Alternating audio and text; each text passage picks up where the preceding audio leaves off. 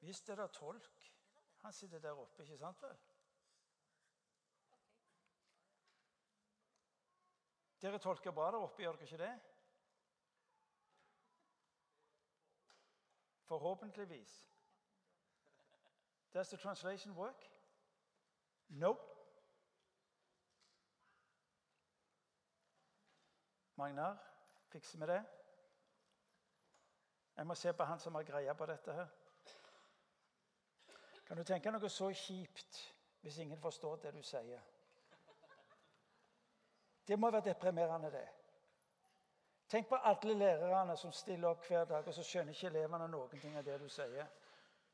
Det er deppings, altså. Hører dere fremdeles ingenting?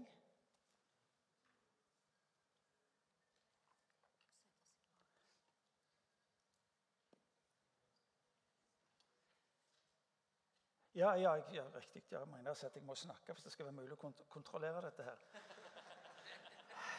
Jeg ble nå så betatt av min egen eh, osv. Men funker det nå? Jeg, ja, jeg, ja, ja, jeg snakker så godt jeg kan nå, jeg. Altså. Men mitt inn... Ja, så jeg kan bare begynne, altså? OK. ok. Men jeg, da, da, begynner jeg bare, jeg, og så ordner Magnar det. Jeg syns forresten vi må gi en skikkelig klapp til Magnar som ansvarlig for lyden her i huset.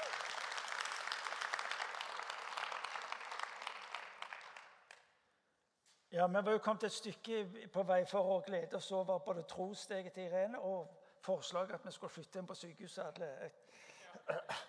Ja, du sa det òg. Men det gjør ikke farlig, for det er rett og slett bare så sjarmerende.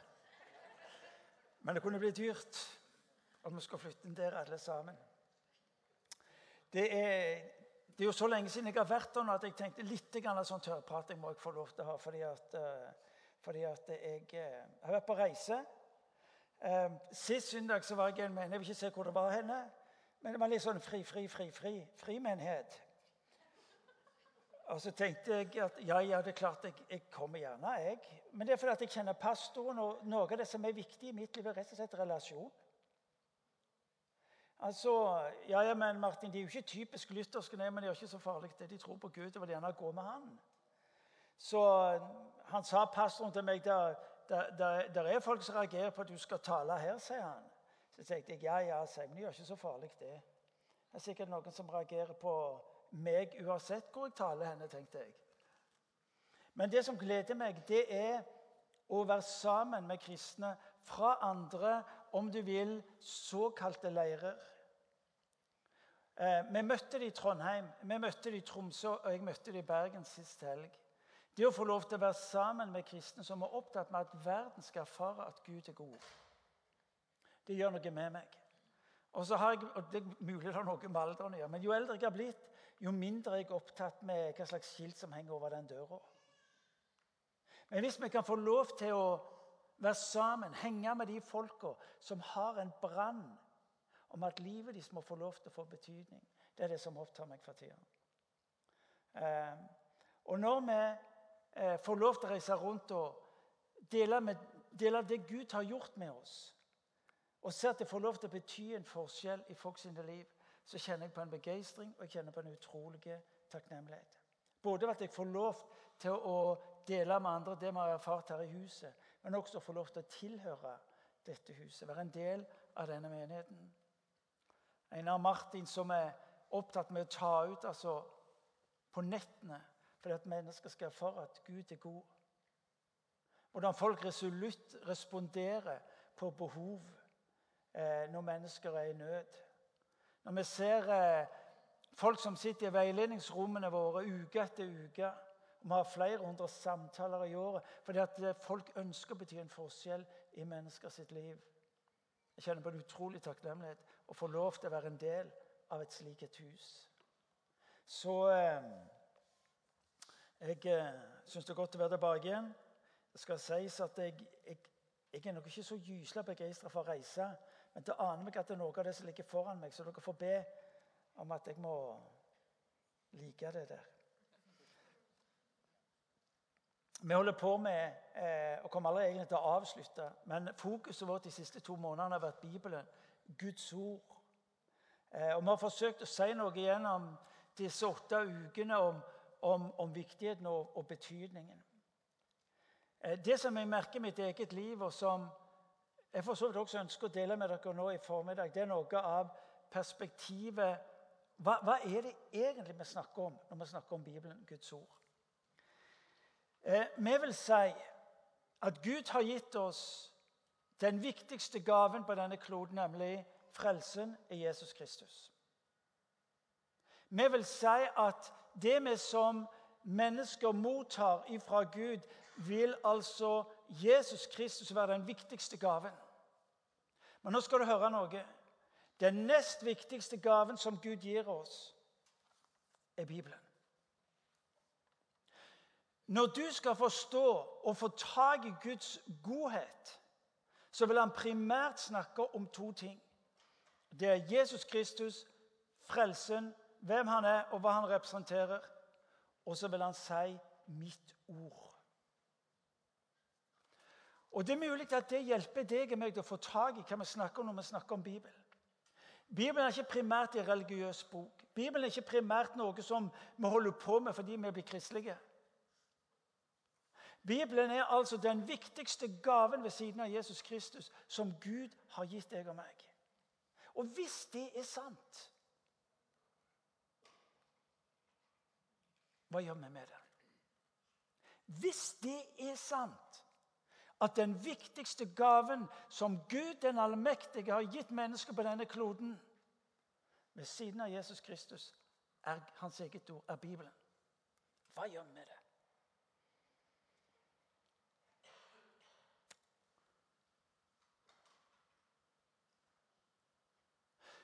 At det er sånn at når, når Jesus er ferdig blant menneskene og sier det er til gode for dere at det går. Fordi talsmannen skal komme. Og hva skal talsmannen gjøre? Han skal ta av mitt.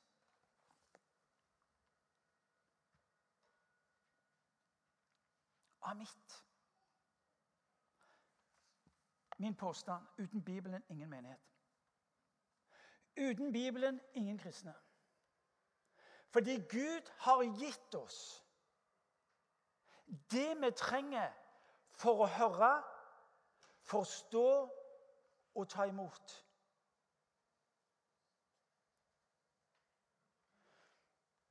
Når frelsesverket er et faktum, er det en kobling som er avgjørende viktig, nemlig Hør nå at ordet lyder.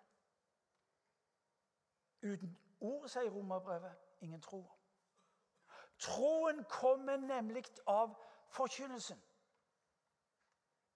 Livet vokser ut ifra relasjonen som Ånden og Ordet gjør tilgjengelig for deg og for meg.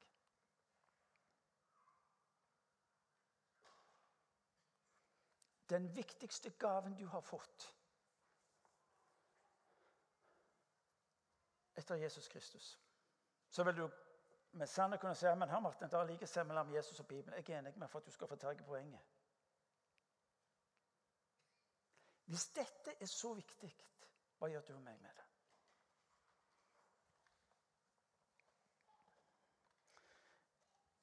Håper dere har, har, har. Håper dere ser jeg har iPaden. Det er altså første gang. Og hvis jeg virker litt sånn famlende, så får dere leve med det. Jeg kan utvikle meg. Men jeg tilhører nok den generasjonen hvor jeg trives mest og best med papir. Er du med for det er sånn?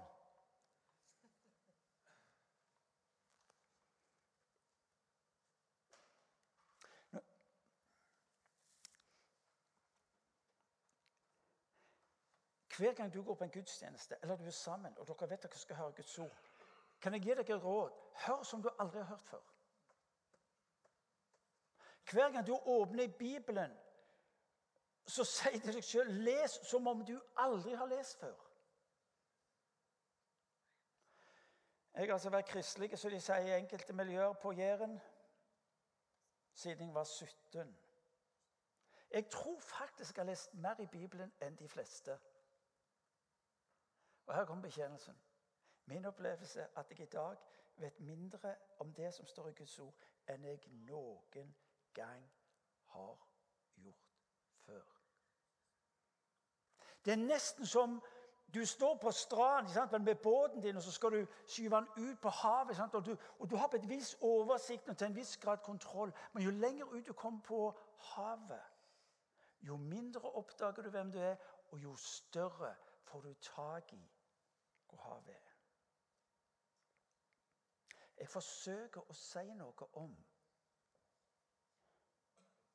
at det viktigste Gud har gitt deg etter troen på Jesus Kristus, frelsen i Jesus Kristus, er Bibelen. La oss se hva som var kjennetegnet for Jesu forhold til ordet. Jesus sa svært så greit. Han sier i Matteus evangel kapittel 7, vers 24 eh, Han bruker denne lignelsen om huset, om de som hører. Han er grunnleggende opptatt med at hør. For det som du hører, har konsekvenser for ditt liv. Hør på en slik en måte at det som går inn i hodet, har konsekvenser for livet ditt. Guds ord er ikke gitt deg og meg, har du hørt meg si mange ganger. Guds ord er ikke primært gitt deg til informasjon, men til transformasjon. Fordi Guds ord skaper. Urkirkens forhold til Bibelen, det var det samme. De vågte i møte med et voldsomt trøkk fra det religiøse liv i Jerusalem. Vågte de å forholde seg til det som ble kalt for apostlenes lære. Det står at de møttes daglig for å høre hva som sto i deres bibel. Apostlenes lære var avgjørende viktig. Og gjennom Kirkens historie Når du leser den historien, så vil du oppdage at det var en kamp. Fordi at djevelen vet hvis vi kan nå skape tvil om Guds ord, hvis vi nå kan forringe Guds ord, så er jeg med på å ødelegge fundamentet som den kristne og som menigheten skal få lov til å leve sitt liv på i denne verden. Gjennom Kirkens historie leser vi hvordan de det, det var en intens kamp om å få lov til å se Guds ord bli det det skulle bli for kirka i tida som kom. Og de som vågte å tro på det som sto i denne boka, var det i perioder i kirkens liv det samme som å erklære dødsdommen over sitt eget liv. Livet var veldig enkelt. Du kunne bare avsverge deg det som sto i denne boka, og du ville gå fri. Hvis du ikke ville avsverge deg det som sto i denne boka, så var døden det neste. Kirken, kirkens historie er full av mennesker som sa det er umulig for meg, fordi det er fundamentet i livet mitt. Når vi da snakker om Bibelen, så må du få lov til å se at det er lik Jesus. Ditt forhold til Bibelen avgjør egentlig ditt forhold til Jesus. En gang til. Ditt forhold til Bibelen avgjør ditt forhold til Jesus.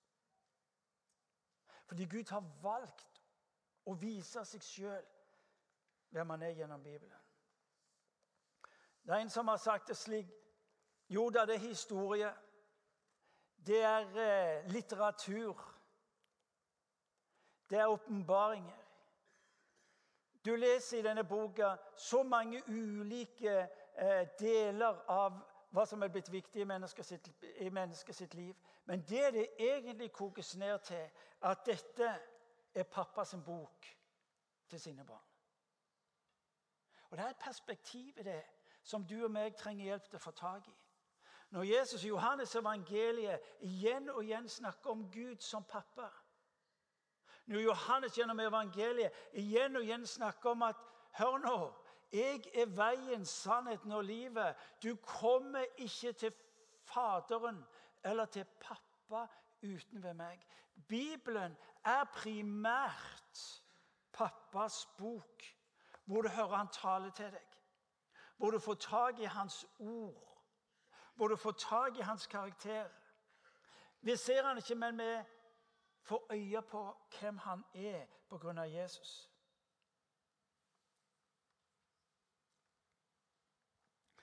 Augustin sier det slik dersom hele Bibelen kunne bli samla i én setning, Der ville den rope ut igjen og igjen som bølgene på havet. Din far elsker deg. Gud har et mål med denne Bibelen. Det at du skal høre igjen og igjen og igjen og igjen Din himmelske Far elsker deg.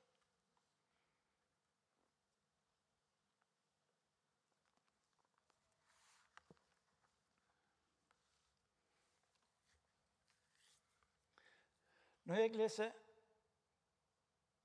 min bibel, og i min bekjennelse av å være en Jesus etterfølger, så er min tro uhyre enkel. Så enkelt at min nabo sa til meg hør Martin, jeg regner deg som rimelig oppegående, men det er noe som krasjer når du forteller meg at du tror på det som står i Bibelen.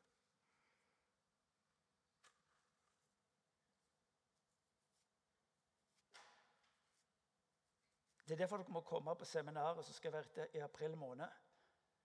Fascineres av Jarle og Inge og Trygve og denne gjengen. som De er rimelig godt møblert. Skjønner dere bildet? Jarle, jeg får si det sånn. De er rimelig godt møblert. Og så står de i et miljø, nasjonalt internasjonalt, hvor, hvor det er sånn det er folk som du vil plassere i øverste sjikt med hensyn til utrustning av IQ og alt det der. Men de har én holdning. Guds ord. Guds ord. Så av og til når jeg sier at det står i Bibelen og det, er mange kloke, det er mange andre kloke òg som det, sier jeg, så er jeg klar over at det kan misforstås. Men det som er blitt avgjørende for meg, det er Bibelens eget selvvitnesbyrd. Hvis jeg skal våge å tro det som står her jeg, Ja, hva sier Bibelen om seg sjøl? Det er grassat med folk som mener mye om Bibelen. Og det sier jeg det er bra. Good for you. Men hva sier Bibelen om seg sjøl? Og det har for meg blitt avgjørende. Og så har jeg lest nok og har nok bøker til å kjenne argumentene om bibelkritiske metoder. Alt det der, kjære venner. Men la oss koke det ned. Hva sier Bibelen om seg sjøl? I dag Nei, men i går så leste jeg fra Kolosserbrevet. Vet du hva? Det å få lov til å våge en vandring inn i Bibelen og tenke vet du, Dette sier Gud til meg nå. Dette er det altså, om du vil, pappa som sier til sin sønn nå. Dette er det som ligger på Guds hjerte at jeg skal få tak i. Når jeg åpner Bibelen, så er det som om som jeg gir Gud anledning fortelle meg hvem han ønsker å være i mitt liv. Vi har gjort kristenliv til et spørsmål om hva jeg skal gjøre. Han er opptatt med at du skal få tak i hvem han vil være i ditt liv. Leste Kolosserne. Hele Kolosserbrevet fredag og lørdag. Og står der dere er Guds utvalgte. Martin, du, du er Guds utvalgte.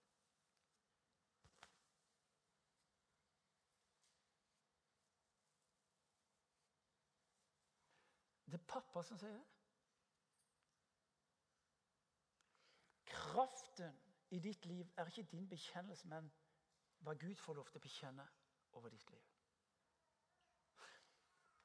Hør nå godt etter.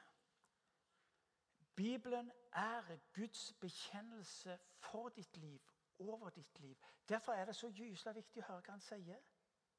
Fordi det er så mange røster. Du har din egen stemme, og den skal jeg fortelle deg, den er kraftig. Du har din egen stemme som stadig vekk fører regnskap men som skulle vært annerledes, og som vil være forutsetning for at det Bibelen snakker om, skal bli ditt. Martin, du er min utvalgt. Ja, men jeg, så jeg får, bare vent nå litt. Hør, noe jeg har å si deg. Martin, du er, du er min utvalgte. Hva mer leste jeg? Martin, du er hellig. Du elsker meg.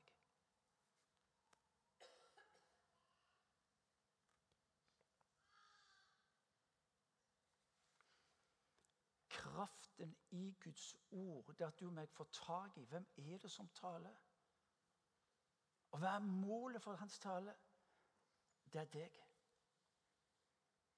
Martin, du er utvalgt. Tenk etter hva det betyr. Når du og meg opererer med alle våre forferdelige regnestykker som diskvalifiserer Martin, du er utvalgt. Martin, du er, du er helliget. Du er elska av ham. Satt inne i Ryfylke og stoppet med de setningene, så tenkte jeg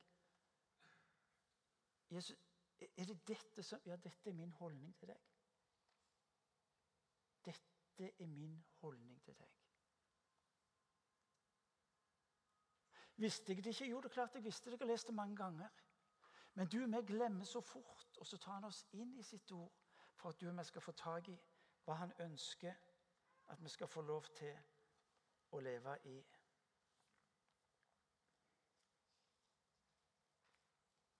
Salme 119, vers 104, så står det av dine ord får jeg forstand. Det kan jo være en trøst for noen av oss. Når du er i de utfordrende situasjonene, og du tenker dette har jeg ikke oversikt Av dine ord får jeg forstand.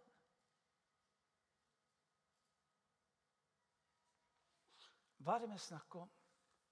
Vi snakker om en gave som Gud gir oss, som du og jeg skal få lov til å leve i.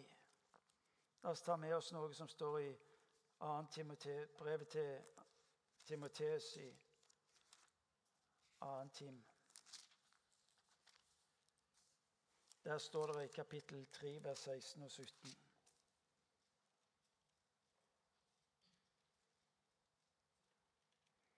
Hver bok i Skriften er innblåst av Gud og nyttig til opplæring, til rettevisning, veiledning og oppdragelse i rettferd. Så det mennesker som tilhører Gud, kan være fullt utrustet til all god gjerning. Det er som om Gud sier spørsmålet ikke er hvem du er, hva du har gjort, og hvor du er henne. Men Gud sier du har mitt ord, som er åndet på av min ånd. Slik at, som det står, du kan være fullt utrustet til all god igjen. Altså Det du leser i, i Guds ord, det er altså det er en sammenheng mellom Bibelen og det du og meg trenger for livet og i livet overfor andre mennesker. Det er nesten som Gud sier, 'Martin, jeg har gitt deg det du trenger, mitt ord'. Det er nesten som jeg leser at eh, når Guds ånd får lov til å virke sammen med Guds ord, så forvandler det ditt liv på en slik måte at andre mennesker vil bli forvandla.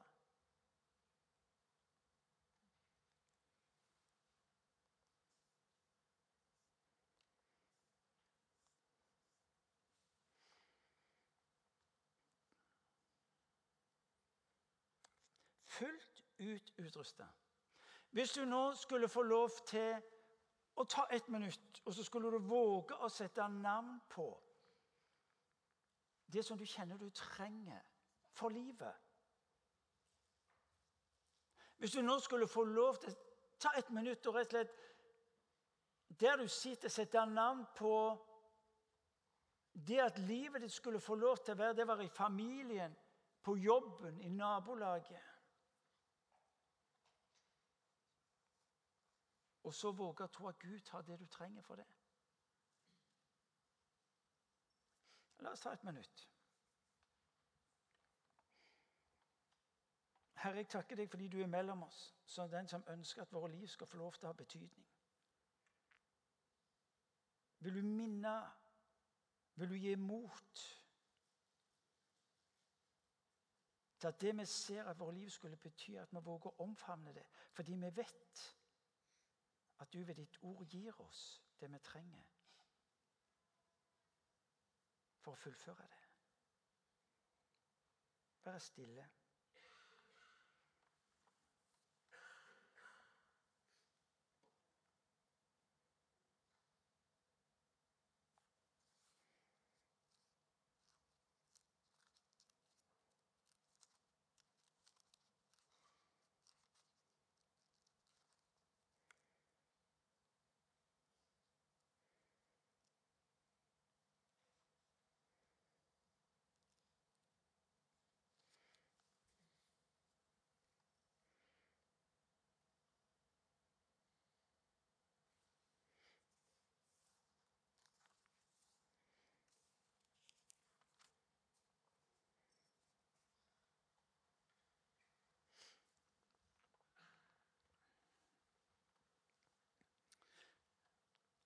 Guds ord er noe langt mer enn sverta på papir. I Hebreabrev kapittel 4 vers 13 omtaler Guds ord seg sjøl som levende. Hvorfor levende? Jo, fordi Kristus er levende. Fordi Bibelen kobles til, knyttes til Jesus som livets ord. Ordet ble kjøtt, tok bolig iblant oss. For Guds ord er levende og virkekraftig og skarpere enn noe tveget sverd. Det trenger igjennom til det kløver sjel og ånd, marg og bein, og dømmer hjertets tanker og planer. Det er levende, virkekraftig. På engelsk står det 'active'. Det er dynamisk. Det er Det skaper. Det er skarpere. Når du ser situasjonen, og når du opplever det skulle vært annerledes, hva, hva sier Guds ord inn i dette? Hva sier Guds ord inn i dette? Det som er min trøst, og som jeg syns er fenomenalt, det er at Gud backer sitt eget ord. Han backer ikke alle dine innfall, men han backer sitt eget ord. Tingen er at dersom ikke Bibelen får styre deg, så vil alle andre ting styre deg. Og med det følger òg alt som føres på avveier.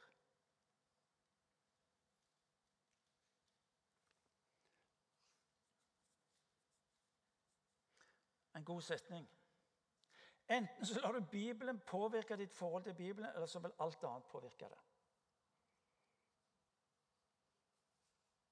Jeg tar æren for den setningen.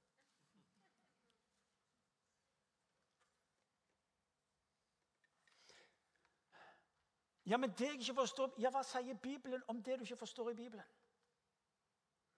Det var Luthers måte å lese Bibelen på.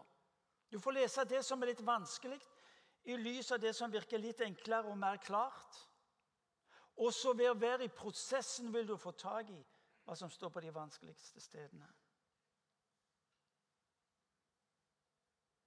La meg gjenta. Dersom ikke Bibelen får styre deg, vil alt annet styre deg. Vet du hva? Det ønsker ikke jeg for mitt liv. Og en ting til som jeg sa. Enten lar du Bibelen påvirke ditt forhold til Bibelen, eller så vil alt annet påvirke den. Det som jeg fornemmer når jeg leser Guds ord igjen og igjen, det er at la meg få lov til å åpenbare mitt ord for deg.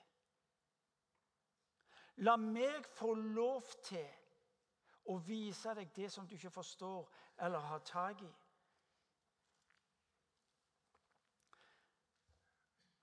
Første Mosebok kapittel 3, vers 1. Første spørsmålet har Gud virkelig sagt.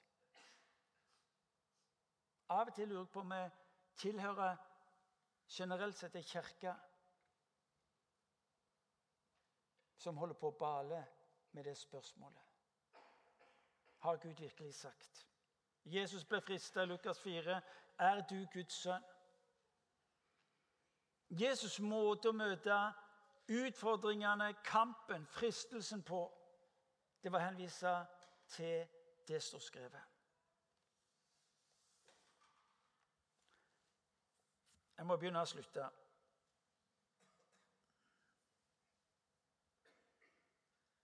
Det er bare en påminnelse. Han sier dere farer vill, for dere kjenner ikke Skriftene. Matteus 22. Han sier altså redningen Nøkkelen til å bli bevart er å forholde seg til ordet. I Markus 13 så sier han alt annet skal få gå med mine ord. Skal aldri få gå. Nei, Det er jo klart fordi ordet er levende.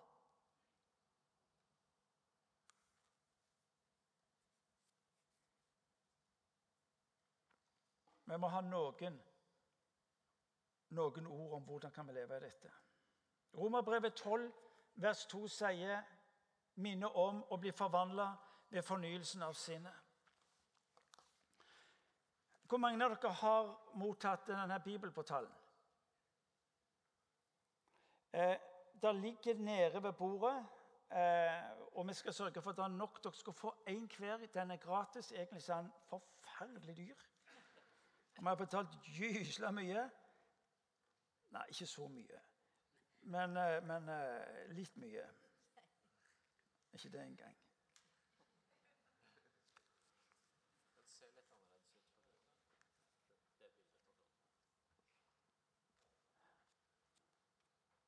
Kjartan, gidder du ta en der nede, for jeg har feil utgave. Det ligger på bordet der nede. Det er jo for galt å reklamere for noe med feil forside. Her har du et fenomenalt redskap. For det er det som skjer når livet vårt blir krøkkete og det er vanskelig, og det var ting skulle vært annerledes, så begynner en ja, Jeg må lese i Bibelen, sier vi.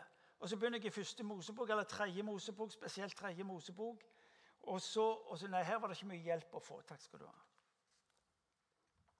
Men i denne bibelportalen er det nevnt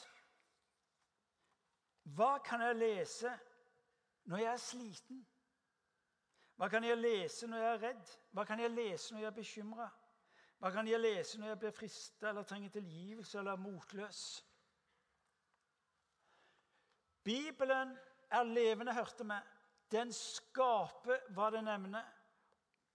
Bibelportalen hjelper deg til å gå til de stedene som møter din livssituasjon der du er nå. Og Min måte å lese på det at jeg forholder meg til Bibelen som en manual for livet også. Bruksanvisningen. Og Når jeg leser Bibelen, så spør jeg hva mener du? Når Bibelen sier til meg 'vær ikke bekymra' Tro på Gud og tro på meg, står det i Johannes evangeliet kapittel 4. Så tenker jeg ja, men hva mener du med det? Jeg må jo bekymre meg i hvert fall litt. Det er jo det normale. Hva mener du? Bibelen er ikke en bok som har gått ut, har gått ut på dato på enkelte tema. Bibelen er en bok som hjelper deg og meg til å bli værende i livet, med livet. Hva mener du for? Det, det, er det viktigste spørsmålet jeg leser når jeg leser Bibelen. Hva mener du? Jeg, det, jeg deler Hva står der? Hva betyr det? Hva mener du? Og hva skal dette få lov til å bety i min hverdag? Det gjelder for deg. Ta bibelportalen. Les gjennom. Finn ut hvor du skal lese når dagene kommer til deg på en måte som du syns er vanskelig. Og så leser du Guds ord som omtaler dette, eh, denne tida i ditt liv. Fenomenalt. Når jeg er bekymra, og jeg går til Bibelen og sier ikke vær bekymra, Martin, så spør jeg men hva mener du med det? Og så er jeg der lenge nok. Og så taler han inn i livet mitt. Det er for deg og for meg som vil være Kristus' etterfølgere. Dere skal få et ord med til slutt. I 1. Samuels bok, kapittel 3, vers 10, og få med noe om ungdommen òg. 1. Samuels bok, kapittel 3. Det er Samuel. Dere husker beretningen fra 1. Samuel, kapittel 3. Samuel bor i Herrens tempel. Han eh, deler hus med Eli. Og eh, det som er saken, det er at Gud taler til Samuel. Samuel høres der. Og Samuel han svarer, 'Her er jeg'. Tre ganger skjer det, og tre ganger så springer guttungen samler en mann må være en 12-13 år, springer inn til Eli og sier, 'Ja, du ropte på meg. Hva er det?' På denne vandringen inn skjønner han ikke hvem som har talt ham. Men når Samuel blir klar over, etter hjelp av Eli, at det er Gud som roper på meg, så sier han, 'Hør'. Nei, eh, han sier eh, Han sier Skal vi se uh, Tal, din tjener hører. Tal, din tjener hører. Når du leser Guds ord fordi Gud taler til deg, så skal du få lov til å Herre, tal til meg. Tal til meg slik at livet mitt kan få lov til å ha betydning. I denne situasjonen møter vi et av de første profetiene i Gamle Testamentet. Dette er det jeg vil du skal få tak i. Når Gud får lov til å tale inn i ditt liv, får du hjelp til å tale ut til mennesker på din vandring. Herre, tal til meg. Fordi at ditt ord er levende, det virker kraftig, og det er skarpere enn noe. Tal til meg. Og så skjer det med vitnesbyrdet fra Samuel. Herre, tal din tjener høre, til han får et budskap som er alt annet enn greit for en guttunge på 13 år. Det går med profeti til Eli. Og den profetien det er heavy stuff, skal jeg fortelle deg. Det kan du lese om sjøl videre ut i kapitlet.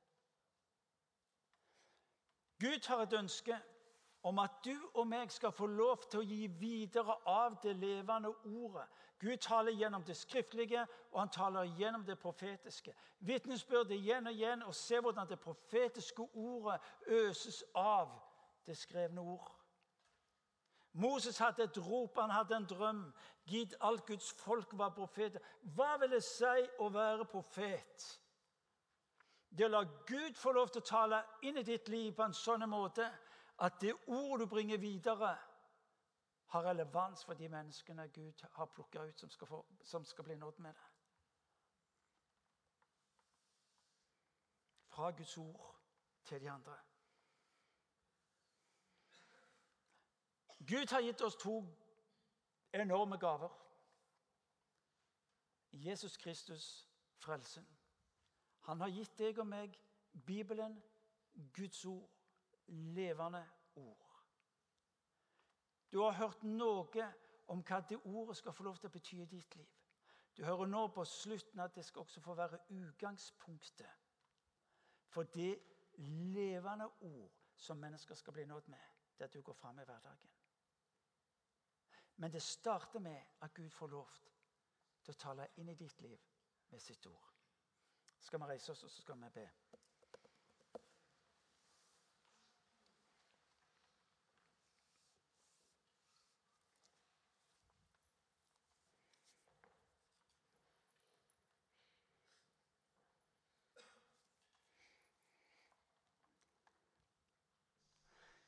Jeg vil be to bønner. Den ene bønnen er at du skal få Jeg går nesten på å si et kjærlighetsforhold til Bibelen.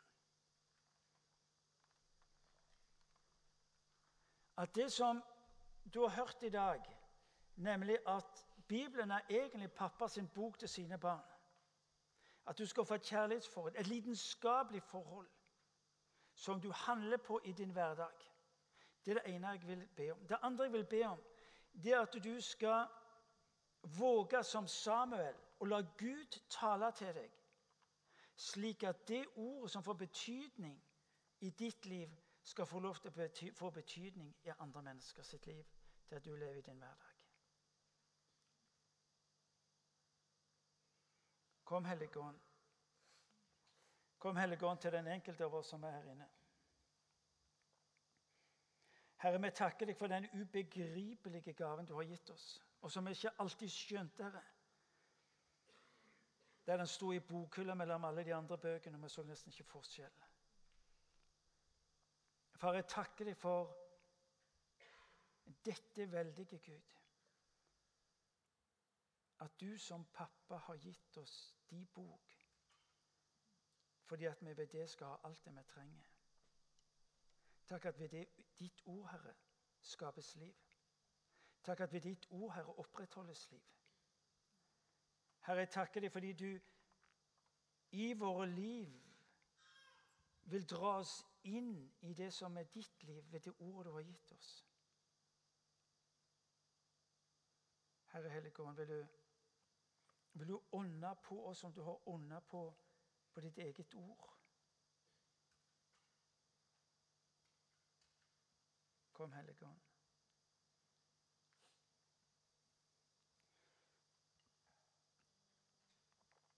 Og så ber jeg, far, om at den enkelte av oss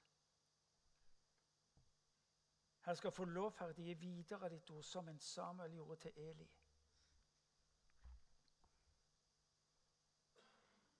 At du taler ditt ord inn i våre liv, slik at vi kan få lov til å gå videre med ordet til mennesker som vi treffer. Det ordet som er relevant. Det ordet som har betydning, det ordet som løfter opp, det ordet som setter fri. For vi vil med Moses rope ut her gitt alt Guds folk var profeter. Ikke for å oppføre seg sære eller spesielt her, men for å gi videre det ordet som satte fri. Herre Helligånd, kom til den enkelte av oss her vi står. Vil du puste det der inni oss? Vil du skape dette hos oss?